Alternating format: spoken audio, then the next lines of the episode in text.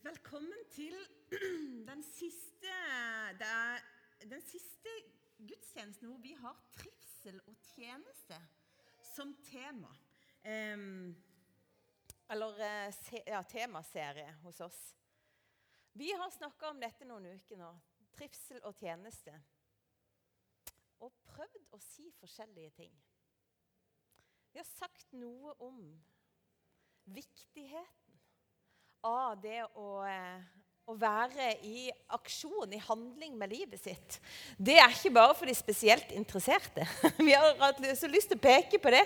At det å være i funksjon, det handler om å fremme Guds rike i denne verden. Og det angår alle.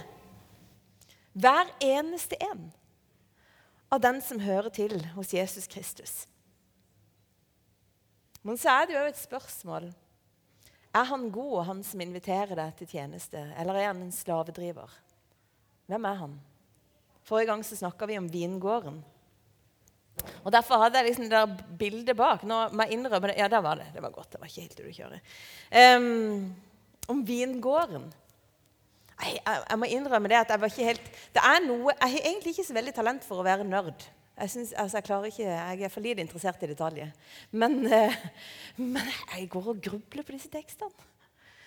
Og så har jeg gjort det, Til og med etter at jeg preika sist gang, så har jeg tenkt på det med vingården. Vingården som er liksom hos Herren. Hans domene. Han som inviterer til å bli med på arbeidet. Han tilbyr en lønn, en denar, står det. Det er liksom nok for hver dag. Men poenget er at du får lov til å være på vingården der som vinen er, der som frukten er. Det er et bilde på gleden, friheten, livet i ånden. Og så har jeg tenkt i ettertid på dette med at vin er laga av druer. Du kan òg lage vin av andre ting. Eple, blant annet. Eh, jeg trenger ikke nevne all frukt, men du kan det. Og så tenkte jeg på at Guds ord snakker om frukt. Bli i meg, så blir jeg i dere, sier Jesus. Akkurat som treet ikke kan bære frukt av seg selv, kan ikke dere bære frukt uten at dere blir i meg. Må være kobla på. Må være lent inntil. Må ta imot. Det skjer noe når vi blir i Jesus. Vi fylles med noe. Jeg tror at det er sånn at når vi kobler på han og bruker disse bildene veldig, men jeg tror at vi fylles med det som vinen representerer. Jeg tror at det skjer når vi kobler oss på han. Da tror jeg at det er noe som stiger. Måtte det være gleden. Når du trenger det, trøsten. Freden. Og så står det òg faktisk om åndens frukt. Kjærlighet, glede, fred, langmodighet, mildhet, godhet og trofasthet. Det stiger i oss når vi er kobla på Han. Og jeg har tenkt på det i ettertid. så jeg tenkte, Vi kan ha nådegavekurs, og det tror jeg er kjempeviktig. Å finne ut hva jeg, hvem er, hvordan, hvordan er jeg utstyrt og utrusta, og hvor kan jeg trives. Det kan være kjempegod hjelp. Og likevel så vil jeg si at jeg tror at frukten er viktigere enn det du gjør. Det har jeg bare lyst til å si. For meg så tenker jeg at trofasthet og ydmykhet trumfer et godt talent når som helst. Ti av ti ganger. Så hvis du er en av de som tenker jeg har ikke noe til det, jeg er ikke spesielt god jeg Nei, nei. Det har jeg bare lyst til å si. La frukten stige i livet ditt, og ikke vær så bekymra. Finn noe du trekkes mot. Enten det er i dette huset eller det er et annet sted. Et sted hvor du kan tjene Herren og virke. I dag har jeg lånt tekster fra kirkeåret. Det liker jeg egentlig veldig godt. Det er ikke alltid vi gjør det. I frikirkeligheten så er vi jo litt sånn Vi, vi freestyler litt. I dag er det domssøndag, eller Kristi kongedag. Jeg vet ikke hvordan det lander i det. Domssøndag eller kongesøndag? Hmm. Vi skal lese, vi har allerede lest fra Jesaja 57. Gud sier 'bygg, bygg'. Bygg vei. Rydd vei, sier han. Det er akkurat som han sier 'bygg Guds rike'. I det høye og det hellige bor jeg, og hos den som er knust og nedbøyd i ånden. Og så sier han noe som har Jeg vet ikke. Noe som utfordrer meg veldig. Dette er fra Matteus, kapittel 25. Men når menneskesønnen kommer i sin herlighet, og alle englene med han, da skal han sitte på sin trone i herlighet, og alle folkeslag skal samles foran ham. Han skal skille dem fra hverandre som en gjeter skiller sauene fra geitene, og stille sauene på sin høyre side og geitene på sin venstre. Nå trykker jeg her. Så skal kongen si til dem på sin høyre side.: Kom hit, dere som er velsigna av min far, og ta i arv det riket som er gjort i stand for dere, for verdens grunnvoll ble lagt. For jeg var sulten, og dere ga meg mat. Jeg var tørst, dere ga meg drikke. Jeg var fremmed, og dere tok imot meg. Jeg var naken, og dere kledde meg. Jeg var syk, og dere så til meg. Jeg var i fengsel, og dere besøkte meg. Da skal de rettferdige svare, Herre, når så vi deg, sulten, og ga deg mat? Eller tørst og ga deg drikke? Når så vi deg fremmed og tok imot deg? Eller naken og kledde deg?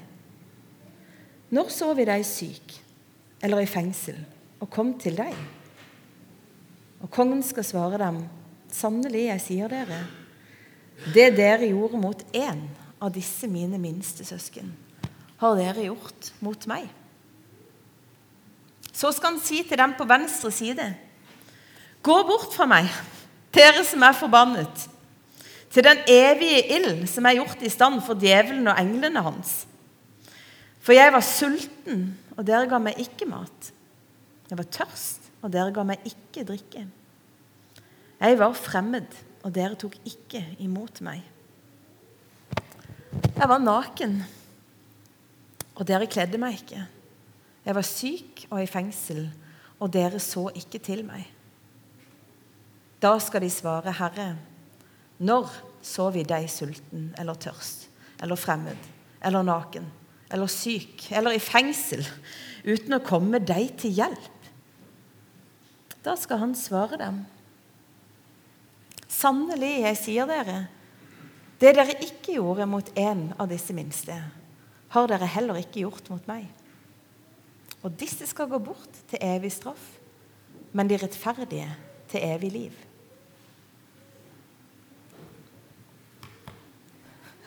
Han er så heavy, den teksten. Det er helt vilt. Og jeg må bare begynne med å si at når jeg jobber med sånne tekster, da, da går jeg for langt. Så jeg har brukt eh, morgenen på å stryke Jeg har kryssa ut tre av fire sider. For jeg skjønner at her er det for mye å si. Men jeg skal si litt. For det kan være at når du leser den teksten, så, puff, så skjer det noe inni deg som har med frykt å gjøre. Jeg sa at det var, det var domsdag i kirkeåret. Og For noen så kan det være at du sitter med en eller annen sånn frykt som er veldig hardt planta inni deg. Som har med Gud som dommer å gjøre. Og så kan det jo høres ut ifra den teksten som om det handler om å være god nok for å få lov til å komme til ham. Akkurat som Unnskyld meg, men handler ikke frelsen om å tro? Henger ikke den på tro? Må jeg gjøre så må, jeg, er jeg stadig i fare for å ikke være god nok? Jeg skal som sagt ikke bruke hele preken på det, men jeg vil bare si nei. Lærer den teksten oss noe annet enn det Nytestamentet ellers lærer oss? Nei. Er frelsen plutselig blitt avhengig av våre gjerninger?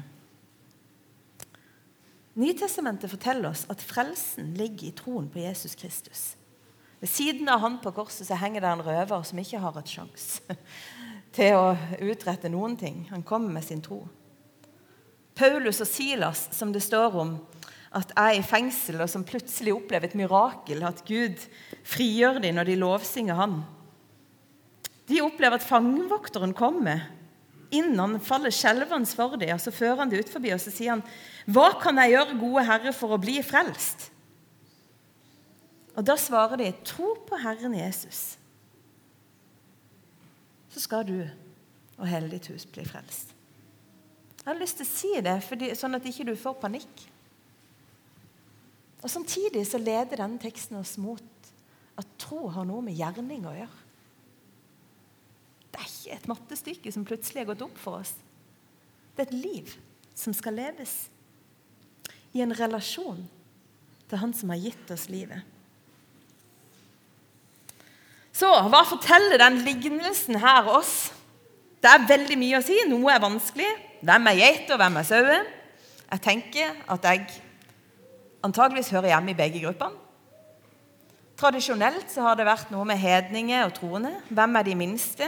Det kan tolkes på mange forskjellige måter. og Nå har jeg kryssa ut og har ikke tenkt å diskutere alt dette. Men det er noen spørsmål, og de samtalene må du gjerne ta. Det som i hvert fall er tydelig, er at den teksten sier noe om at det betyr noe om hvordan vi forholder oss til mennesket. Det betyr noe. Og det betyr noe hvordan vi forholder oss til Jesus. Og de første som er her i teksten, de skjønner ikke at de har gjort noe godt mot Gud. De skjønner ikke at de har vært gode mot ham. De har bare levd livet. Vist godhet. Og så har de gjort det som var naturlig, instinktivt kanskje for dem. Og så sier de ja, 'Når så vi deg sulten?' Unnskyld meg, men eh, når så jeg deg fremmed? Når var du naken? Og så sier Jesus at det dere gjorde mot disse mine minste De neste som vi snakker om, de er heller ikke klar over hva de har gjort. Eller kanskje kan vi si det som de er ikke klar over hva de ikke har gjort. De har ikke De har ikke tatt imot Jesus når han var tørst, sulten, naken, syk og i fengsel. Det er akkurat som ingen av de egentlig skjønner hva de holder på med. De skjønner enten ikke at de tar imot Jesus og har vært gode med ham, eller så skjønner de ikke at de har avvist ham. Vi skal snart feire jul, og her i Frimisjonen skal vi ha stjernedryss. Da er himmel og jord tema. Er himmel på jord. Og vi skal snakke om at Gud kommer inn i sitt eget skaperverk. Han blir en del av det han sjøl har skapt. Altså, da, da, ryker jo alle sikringer hos meg. Han som er i det høye og det hellige, som har sitt kongesete i himmelen. Det var så fint, for det er jo Kristi Kongstad. Fint at vi sang 'Majestet'. Han er hos den nedbøyde. Der bor han. I den skitne stallen har han tatt sin bolig. Og En gang så spurte jeg Jesus liksom, hvordan var det i den stallen. Og Det eneste tanken som dukka opp i hodet mitt, det var at det var mørkt. Det var jo ikke elektrisk lys. Det var mørkt. Og det tenker jeg at der bor Jesus. Det er det han egentlig sier. Når Gud sier hvor han bor Jeg bor i det, jeg i det høye og det hellige. Det er jo der han der kommer han fra. Det er I lysenes rike. Det er der. Det er hans opp... Der er han. Og så sier han men jeg har jo tatt min bolig hos den som er nedbøyd. I den skitne stallen i denne verden. Hos mennesker som lider. Hvor er Jesus å finne? Hvor er Gud å finne? Han er hos mennesker som lider. Han er hos oss i våre lidelser. Han er på Gaza. Han er i Sudan. Han er i Afghanistan, han er i Sør-Afrika. Han er her. Han er kongen. Han som har skapt alt, som er allmektig. Hva slags type er han? Vi kommer stadig tilbake til det. Hva slags gudsbilde har vi? Denne kongen.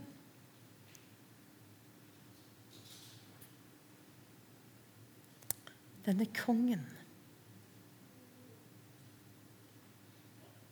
Han har tatt sin bolig hos de han elsker. Det er ikke pomp og prakt der i gården som står i fokus. Og han er her.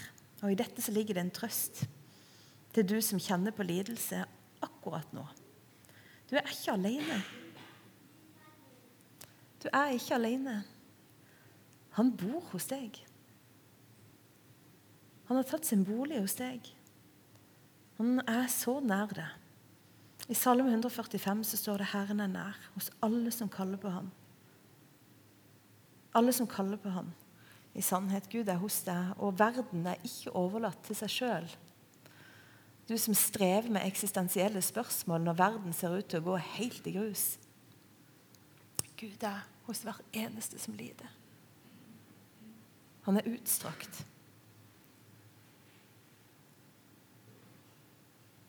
Det er ikke bare det i den andre teksten her, så er han ikke bare hos den som lider. Han er i den som lider. Han har identifisert seg med mennesker som han tenker Jeg er i. Jeg er ikke bare hos. Jeg er i. Vi finner han der. I den andre. Hvor finner vi Gud henne? Dette sier så utrolig mye om Gud. Det sier så vanvittig mye om Gud. At han har bare gått all in, om du vil. Vi kan diskutere på om vi skal bruke det når vi skal invitere folk til konferanse. Skal vi si all in, eller er det for hardt? Det som er sikkert, er at Gud har gått all in. Tatt bolig i. Han er i smerten. Han er i livet. Og Det sier noe om han. Og så har jeg bare lyst til å si, som en liten sånn jeg vet ikke, en slags rosin oppi dette, for det sier òg noe om mennesket. Det sier noe om verdifulle vi er. Han har sin bolig hos menneskene, i menneskene. Og jeg bare tenker at i en verden hvor empatien vår stadig slites, han utfordres stadig, for det blir mye. Det er mye å ta inn over seg, alt det der du får på skjermen. Til slutt så gidder jeg ikke se nyheter, for jeg fikser det ikke helt. Og så skifter jeg litt, da. Skifter litt. Når jeg liksom har fått litt Å ja, nå var det Ukraina, så var jeg veldig på. Men plutselig så smalt det i bombe i Gaza, gitt. Og så er empatien min Det er ikke lett. Det er ikke lett. I et forferdelig bilde, som kanskje òg er sant, så er det sånn at når vi ser andre mennesker som lider, så går, får vi både medlidenhet, og samtidig så tenker vi det var godt det ikke var oss. Eller eh, hvis jeg skulle si det helt forferdelig, uten, helt uten empati heller dem enn oss.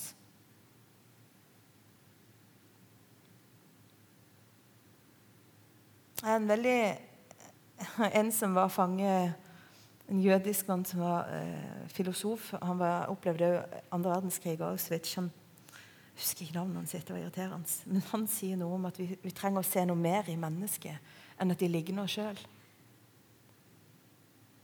Vi trenger å se at Gud har bolig i det. For hvis det er Gud som lider Den barmhjertige Gud som har gitt hele seg sjøl for oss, så forandrer det noe. Det er ikke sikkert at det gjør alt, men det forandrer noe. Og det sier noe om hvilken verdi de har. Vi har, og de har, som lider. Gud har satt sin egen verdi på dem. Og vi er kalt til å strekke oss.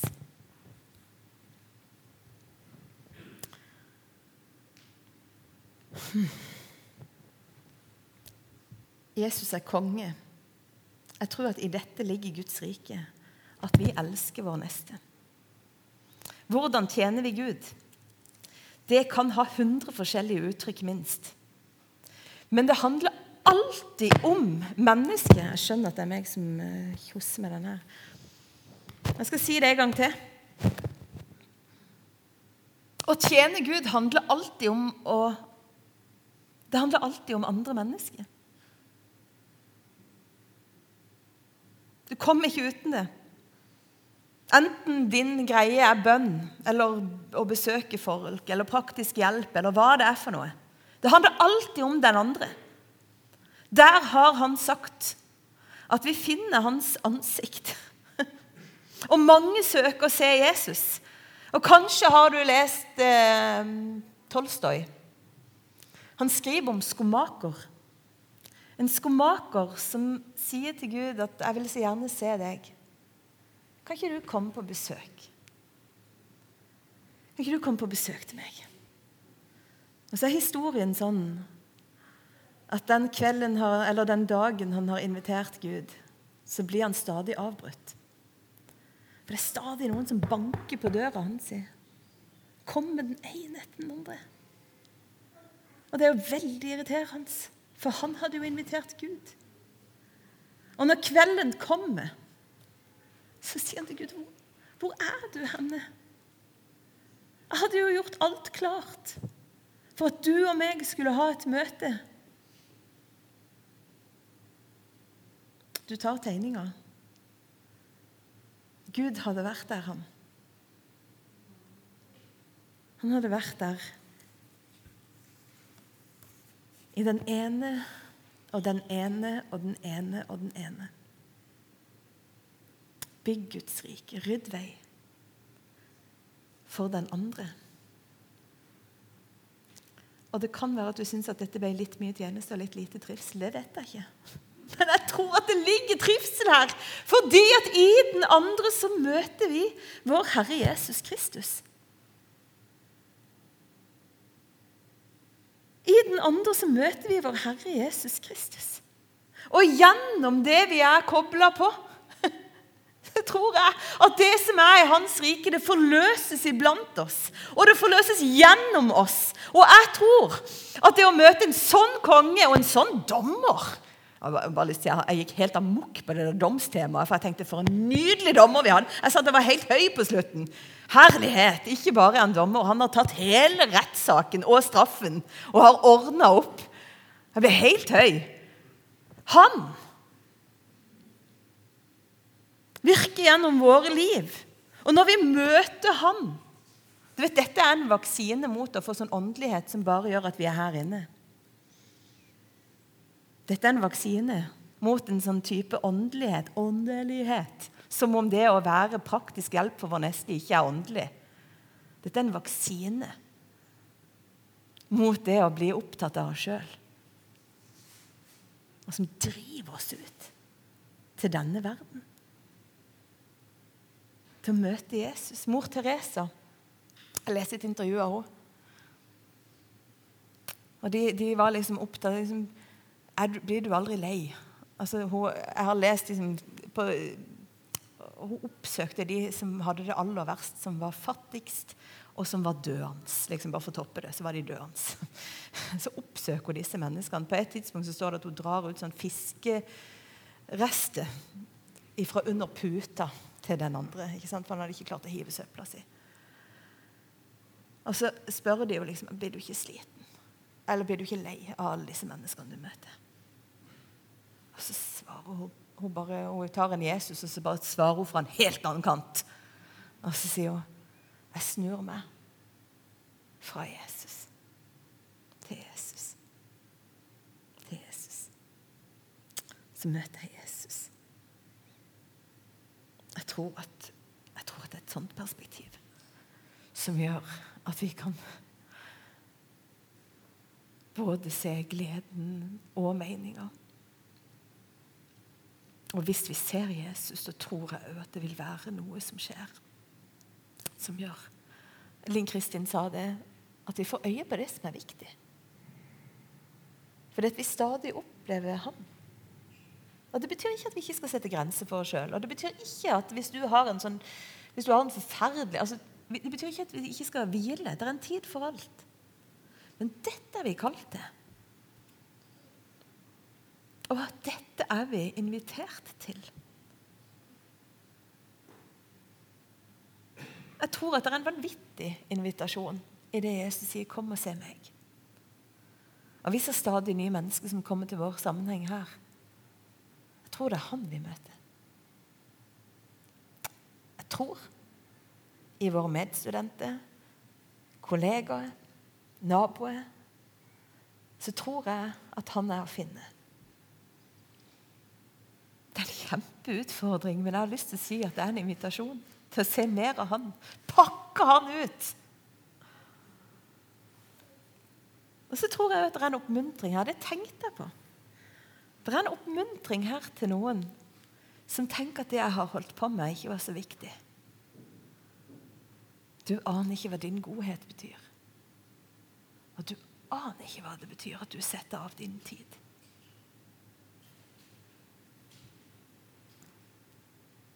Han opplever din omsorg.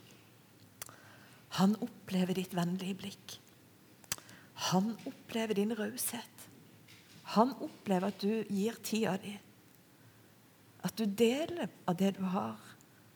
Gjennom denne fortellinga er det akkurat som Jesus sier at 'jeg opplevde det'. Takk.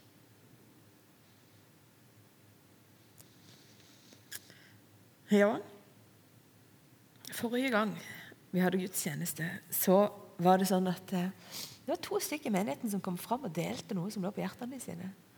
Og Reidun hun delte at egentlig et kraftig budskap til oss som kirke, som Frimisjonen, om å være våkne.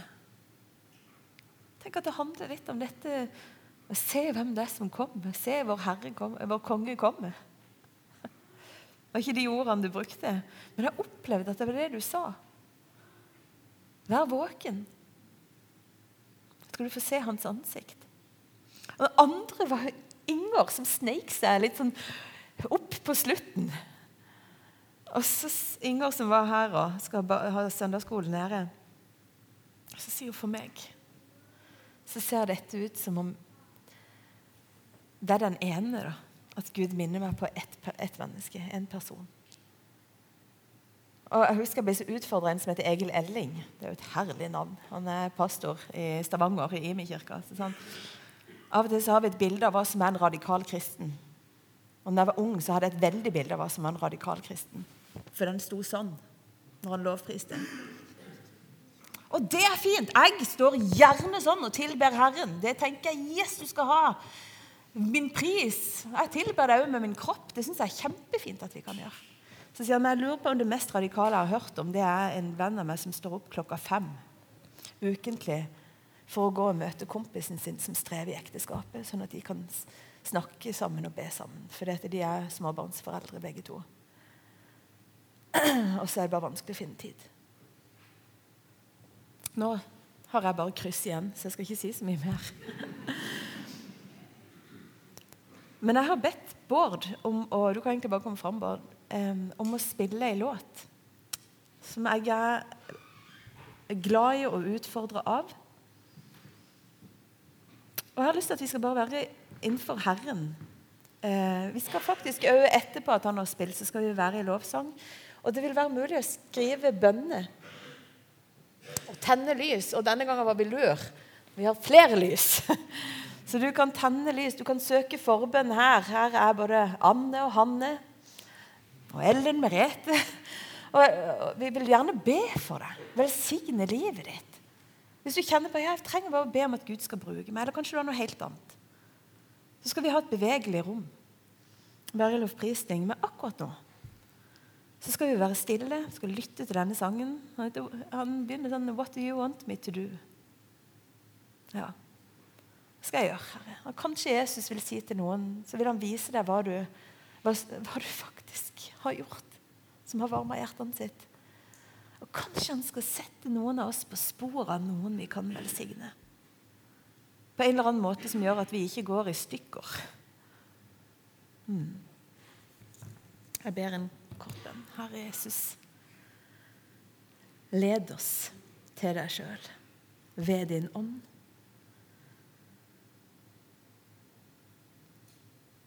Led oss, Herre, til den enkelte. I Jesu navn.